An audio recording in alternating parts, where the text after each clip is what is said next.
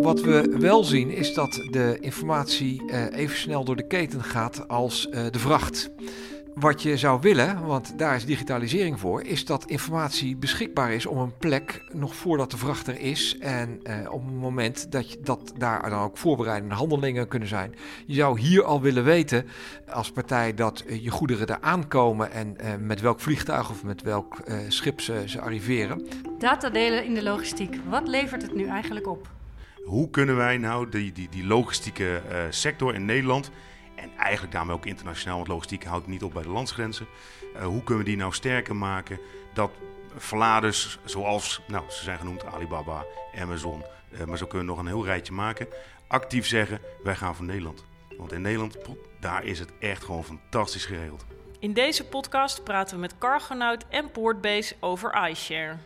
iShare biedt de mogelijkheden om binnen de wettelijke regels toch ervoor te gaan zorgen dat we informatie beter kunnen gaan delen in de keten. Ehm, eigenlijk is het een soort, soort opbouwende eh, trap. Eh, je gaat eerst vaststellen je identiteit. Wie ben jij? En Ja. ben jij daadwerkelijk wie jij bent dat jij zegt? En vervolgens ga je kijken, en wat mag je dan? Wat zijn jouw autorisaties? Mag jij data delen? Mag je data inzien? Mag jij toegang tot systemen krijgen? Eh, dus die twee die zijn echt een hele belangrijke eh, rollen binnen het hele iShare afsprakenstelsel. Hoe doen we dat? En wat moest daarvoor gebeuren? Wij moesten natuurlijk ons systeem inrichten. We hebben daar een tweede platform voor neergezet. We hebben die security API hebben we dan gebouwd, een, een, een datadienst eh, waar we mee kunnen koppelen met die terminal.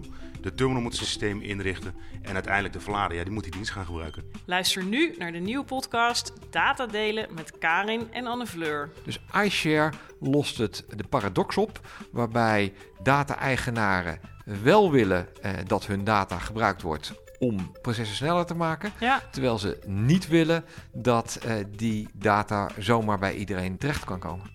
Luister naar onze podcast via Apple Podcasts, Spotify en onze website topsectorlogistiek.nl.